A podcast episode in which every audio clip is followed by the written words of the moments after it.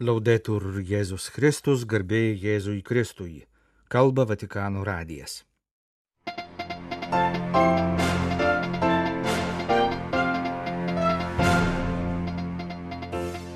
Popiežius pasveikino į pasaulio jaunimo dienas Lisabonoje keliaujantį jaunimą.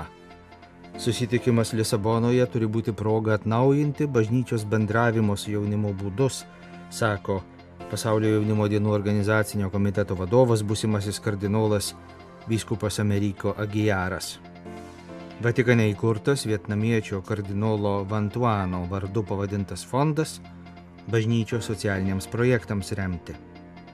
Ugandos premjerės vizitas Vatikane. Antradienį sukako 1698 metai nuo Nikėjos susirinkimo uždarimo. Labai iškilmingai sukaktis bus minima po dviejų metų per šventuosius jubiliejinius metus. Popiežius Pranciškus palinkėjo gero kelio jaunuoliams šiomis dienomis keliaujantiems į pasaulio jaunimo dieną Lisabonoje. Pranciškus trumpame video sveikinime kreipėsi į Italijos jaunimą. Jo vaizdo įrašų pasidalijo italų katalikų dienraštis Avvenyrė. Linkiu su džiaugsmu pasiekti kelionės tikslą, pasakė Romos vyskupas Pranciškus. Iš tiesų, likus mažiau nei savaitei iki Lisabonoje vyksiančios 37-osios pasaulio jaunimo dienos tema Marija susiruošusi skubiai iškeliavo, daug jaunimo dienos dalyvių jau yra pakeliui į tarptautinį katalikiško jaunimo sambūrį. Šiuo metu Romoje pagrindinėse vyskupijos šventovėse ir bazilikose galima pastebėti jaunuolių dėvinčių marškinėlius su pasaulio jaunimo dienos logotipu Kai kurie dar prieš susitikimą Lisabonoje su bendramžiais iš viso pasaulio ir su popiežiumi Pranciškumi užsuka ir į Vatikano baziliką dvasinio susikaupimo ir maldos momentui prie pasaulio jaunimo dienos sumanytojo popiežiaus Šventojo Jono Pauliaus antrojo kapo. Pranciškus vaizdo įrašę ragino pasaulio jaunimo dienos dalyvius į šią kelionę leistis vediniems keliavimo mistikos. Tai yra ėjimo kartu su kitais, niekad vieniems. Rinktis šį kelią ir juo eiti, toks yra gyvenimas. Gyvenimas yra kelionė. Tai jaunimo pašaukimas - leistis į kelionę. Tad pirmin, drąsiai, visuomet prieš akis turėdami tikslą, kurį norite pasiekti. Ir su keliavimo mistika visuomet su kitais, niekada vieniems pažymėjo popiežius. Vaizdo įrašo pabaigoje Pranciškus suteikė palaiminimą visiems keliaujantiems į pasaulio jaunimo dieną Lisabonoje. Pasaulio jaunimo diena Lisabonoje prasideda antradienį rūpiučio pirmąją, o popiežius Pranciškus į Lisaboną atskrenda trečiadienį rūpiučio antrąją. Pagrindiniai jaunimo susitikimai su popiežiumi įvyks šeštadienį ir sekmadienį, rūpjūčio 5 ir 6 dienomis.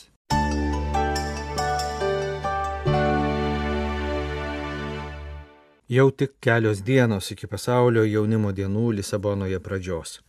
Apie pasirengimus šiam didžiajam tarptautiniam įvykiui, kuriame dalyvaus šimtai tūkstančių jaunuolių iš viso pasaulio, pasakoja pasaulio jaunimo dienų organizacinio komiteto vadovas, Lisabonos vyskupas auxiliaras Ameriko Agijaras, kuris per rugsėjo 30 dieną vyksiančią konsistoriją taps kardinolu. Tai pirmas tokio masto renginys Portugalijoje. Užsiregistravo 600 tūkstančių jaunuolių iš 183 šalių. Manoma, kad bendras dalyvių skaičius gali pasiekti milijoną. Tai tikrai nemenkas iššūkis, bet kartu ir didelė atsakomybė. Paskutinėmis pasirengimų dienomis sakė vyskupas, vokiečių katalikų žinių agentūrai KNA duotame interviu. Per pastaruosius ketverius metus nuo 2019-aisiais Panamoje vykusių pasaulio jaunimo dienų pasaulyje įvyko daug dalykų - socialinių konfliktų, ekonominių krizių, koronaviruso pandemija, o dabar dar ir karas Ukrainoje. Visa tai daro didelę įtaką jaunimui, paveikia gyvenimą, lūkesčius, ateities viziją. Dėl to per pasaulio jaunimo dienas norima suteikti jaunuoliams daugiau balso. Jaunimas yra ne tik ateitis, bet ir dabartis. Dėl to reikia žinoti, ką jauni žmonės mano apie dabartinės problemas, kalbėjo vyskupas Agijaras. Bus kalbamasi apie aplinkosaugos problemas, pandemiją, karą Ukrainoje ir kitus konfliktus, visuotinę brolystę. Bus kalbamasi apie tiltų tarp skirtingų religijų ir visuomenių tiesimą. Taip pat apie popiežiaus pranciškaus trokštamą humaniškesnį ekonomikos modelį, labiau orientuotą į socialinį teisingumą. Ko ne visi Lisabonoje vyksiančių pasaulio jaunimų dienų dalyviai yra gimę po 1990 metų, tai yra laikais, kai jau buvo visuotinai paplitusios skaitmeninės komunikavimo technologijos. Dėl to rengiantis pasaulio jaunimo dienoms visiškai atsisakyta spausdintų leidinių, brošiūrų ar informacinių lapelių. Net piligrimo knyga su maldomis ir giesmėmis yra parengta tik skaitmeninės programėlės formatu.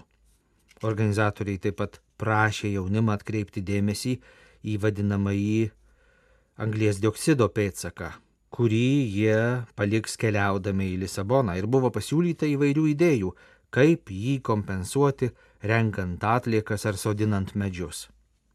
Kai kuriuose šalyse šiuo tikslu vyko medžių sodinimo akcijos, kuriuose dalyvavo keliauti į pasaulio jaunimo dienas Lisabonoje besirengiantis jaunimas. Kitas pasaulio jaunimo dienų aspektas išlaidos ekonominė našta, kuri gula ant organizatorių pečių. Vyskupas Agijaras neslėpė, kad šią progą neišvengta kritikos ir priekaištų. Tačiau pasaulio jaunimo dienos tai ne tik išlaidos, bet ir investicija. Reikia atsiminti, kad per pasaulio jaunimo dienas Lisabonos miestas ir Portugalija atsidurs daugybės žmonių dėmesio centre ir tai turės didelį, kitais būdais sunkiai pasiekiamą reklaminį poveikį. Vyskupas pasakojo, kad Portugalijos vyriausybė skyrė pasaulio jaunimo dienų rengimui maždaug 30 milijonų eurų, Lisabonos miestas 35 milijonus eurų, dar 30 milijonų gauta iš įvairių aukotojų. Pasaulio jaunimo dienų organizatoriai yra įsitikinę, kad galiausiai balansas bus teigiamas. Kai kalbama apie Lisabonos miesto išleistus 35 milijonus eurų, reikia atsiminti, kad didelė dalis šios sumos buvo skirta miesto infrastruktūros atnaujinimui. Pokalbėje buvo užsiminta apie daugiausiai kontroversijų sukėlusi dalyką - pakylą su altoriumi, prie kurio popiežius aukos pasaulio jaunimo dienų uždarimo mišes Lisabonos težo parke. Pakyla turėjo būti 9 metrų aukščio, kad visi dalyviai esantys maždaug 100 futbolo aikščių plote galėtų stebėti baigiamasias mišes. Atsižvelgiant į kritiką dėl labai didelės šio statinio samatos, projektas buvo pakeistas ir dabar scena bus per pus mažesnė ir tik 4 metrų aukščio. Tačiau bus įrengta daugiau ekranų, kad visi galėtų stebėti mišes. Tai leido sumažinti išlaidas beveik per pus - nuo 4 milijonų 900 tūkstančių iki 2 milijonų 900 tūkstančių eurų. Galiausiai vyskupo būsimojo kardinolo, atsakingo už pasaulio jaunimo dienų Lisabonoje organizavimą, buvo klausima, kokia dabartinė jaunimo ir bažnyčios bendravimo Portugalijoje padėtis. Ar jaunimas ir bažnyčia suranda bendrą kalbą? Vyskupas atsakė, kad tai priklauso nuo konkrečių situacijų ir konkrečių asmenų sugebėjimo užmėgsti dialogą. Tačiau kad ir kaip būtų, bažnyčia supranta, kad reikia keisti ir modernizuoti savo kalbą ir bendravimo kanalus, kad būtų įmanoma pasiekti jaunimą. Akivaizdu, kad tarp bažnyčios ir jaunimo yra bendravimo problemų, kurias reikia išspręsti. Vyskupas yra įsitikinęs, kad pasaulio jaunimo dienos bus gera proga pagerinti bažnyčios darbą su jaunimu Portugalijoje ir suteikti jaunimui svarbesnį vaidmenį vyskupijų gyvenime. Šią temą vyskupas Ameriko Agijaras kalbėjo ir neseniai Portugalijos viešojo transliuotojo televizijos kanalo RTP Noticijas perduotame interviu. Vyskupas paaiškino, kad bažnyčia į pasaulio jaunimo dienas nežiūri kaip į paslėptą būdą atversti jaunimą į tikėjimą. Pasaulio jaunimo dienos nebuvo, nėra ir neturi būti atsivertimo renginys, bet turi būti galimybė pažinti ir gerbti vieni kitus kaip brolius ir seseris. Bažnyčia neprimeta save, o tik nori pasiūlyti liudijimą, kaip gyvasis Kristus perkeičia žmonių gyvenimą.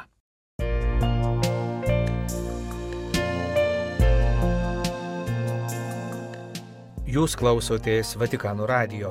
Tęsėme žinių laidą lietuvių kalba.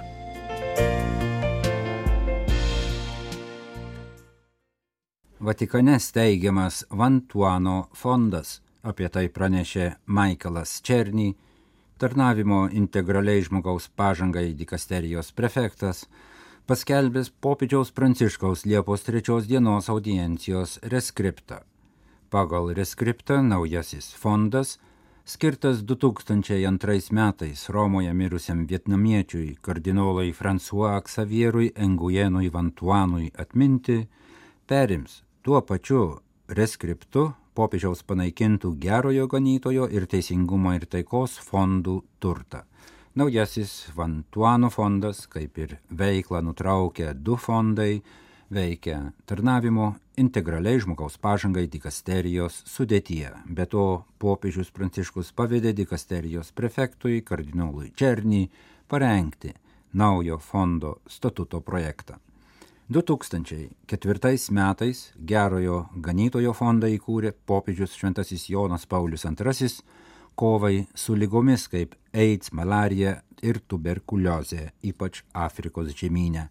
Nuo įsikūrimo fondas teikia pagalbą šimtams tūkstančių žmonių visame pasaulyje, teikia įvairaus pobūdžio ekonominę paramą visų pirma sveikatos priežiūros projektams, dovanojo vaistus, medicinos įrangą ir maisto produktus vargstantiesiems. 2007 metais Teisingumo ir taikos fondą įkūrė popiežius Benediktas XVI kardinolo Vantuano atminimui pagerbti. Fondas lygi šiol rėmė humanitarinius projektus besivystančių šalių neturtingiems gyventojams, skyrė stipendijas bažnyčios, socialinio mokymo kursų studentams. Be to, fondas rūpinosi kardinolo Vantuano paskelbimu palaimintuoju. Kardinolas François Xavieras Engujenas Vantuanas popiežiaus Šventojo Jono Pauliaus antrojo kūrijoje nuo 2098 iki 2002 metų buvo popiežiškosios teisingumo ir taikos tarybos pirmininkas. Prieš tai ketverius metus buvo šios tarybos po kurijos reformos tapusios tarnavimo integraliai žmogaus pažangai dikasterija vicepirmininkas. Iki tarnystės Romos kūrijoje pradžios kardinolas Vantuanas 13 metų praleido Vietnamo kalėjimuose.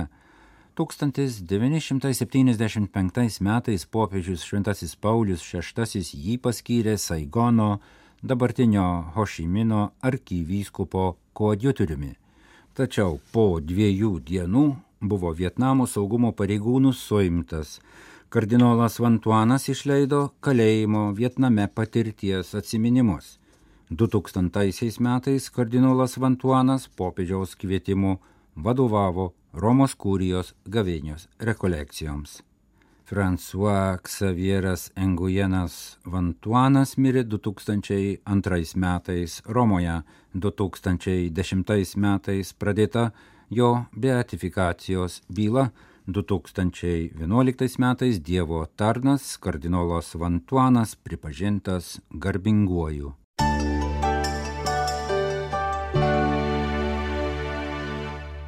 Pirmadienį Liepos 24 dieną popiežius Pranciškus prieimė Ugandos ministrę pirmininkę Robiną Nabandžą. Ji antradienį Liepos 25-ąją susitiko su popiežiaus valstybės sekretoriumi kardinolu Pietro Parolinu, susitikime dalyvaujant ir Šventojo sosto sekretoriui santykiams su valstybėmis ir tarptautinėmis organizacijomis arkivyskupui Polui Richardui Galageriui. Kaip skelbiama valstybės sekretoriato oficialiame pranešime, buvo aptarti geri Šventojo sosto ir Ugandos santykiai, pabrėžiant katalikų bažnyčios vaidmenį šalyje, buvo aptarti ir kiti abiem šalims svarbus klausimai ir pasikeista nuomonėmis apie padėtį regione.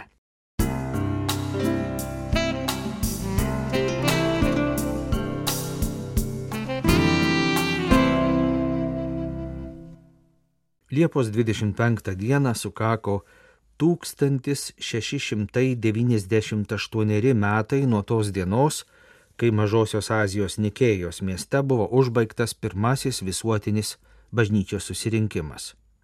2025-aisiais sukaks šio įvykio 1700 metinės ir jos bus švenčiamos kaip vienas pagrindinių 2025 šventųjų metų renginių. Iki mūsų dienų naudojame per Nikėjo susirinkimą 325 metais sukurtą ir ketvirtojo amžiaus pabaigoje Konstantinopolyje papildytą tikėjimo išpažinimo formulę. Išpažįstame, kad Jėzus yra tikras Dievas iš tikro Dievo, kad jis yra vienos prigimties su tėvu. Šis tikėjimas vienyje visus pakrikštytuosius, dėl to ir Nikėjo susirinkimo 1700 metų sukaktis po dviejų metų bus švenčiama ekumeniškai, kartu su kitų bažnyčių ir konfesijų krikščionimis. Pasak popiežiaus Pranciškaus, Nikėjos susirinkimas svarbus ne tik dėl savo turinio, tai yra jame suformuluoto krikščionių tikėjimo išpažinimo, bet ir dėl būdo, kuriuo jo dalyviai sprendė tuo metu dar palyginti jaunos bažnyčios vienybei grėsmę kėlusius nesutarimus. Pirmasis visuotinis susirinkimas buvo bažnyčios susitaikymo įvykis kuris sinodiniu būdu patvirtino jos vienybę dėl tikėjimo išpažinimo, sakė popiežius Pranciškus pernai pavasarį susitikęs su popiežiškosios krikščionių vienybės dikasterijos plenarinio posėdžio dalyviais. Nikėjo susirinkimo stilius ir sprendimai turėtų nušviesti šiandienos ekumeninę kelionę ir padėti žengti naujus konkrečius žingsnius siekiant visiškai atkurti krikščionių vienybę. Kadangi Nikėjo susirinkimo 1700 metinės sutampa su katalikų bažnyčioje švenčiamais išganimo jubiliejiniais metais, popiežius prašė, kad susirinkimo sukakties minėjimas užimtų svarbę vietą šventųjų metų programoje ir visi šventieji metai turėtų ryškų ekumeninį matmenį. Pirmasis visuotinis susirinkimas buvo sinodinis aktas, liudijantis kad sinodiškumas nuo pat pradžių buvo krikščionių bendruomenės gyvenimo ir organizacijos forma. Jis ir šiandien turi priminti, kaip svarbu, kad krikščionių bendruomenė save suvoktų kaip kartu keliaujančią Dievo tautą. Turime eiti kartu, pirmin kaip broliai ir seserys, kartu melzdamiesi, darydami artimo meilės darbus siekdami tiesos, sakė Pranciškus prašydamas sinodiškai ir ekumeniškai pažymėti 2025 metais sukaksiančią Nikėjos susirinkimo 1700 metų sukaktį.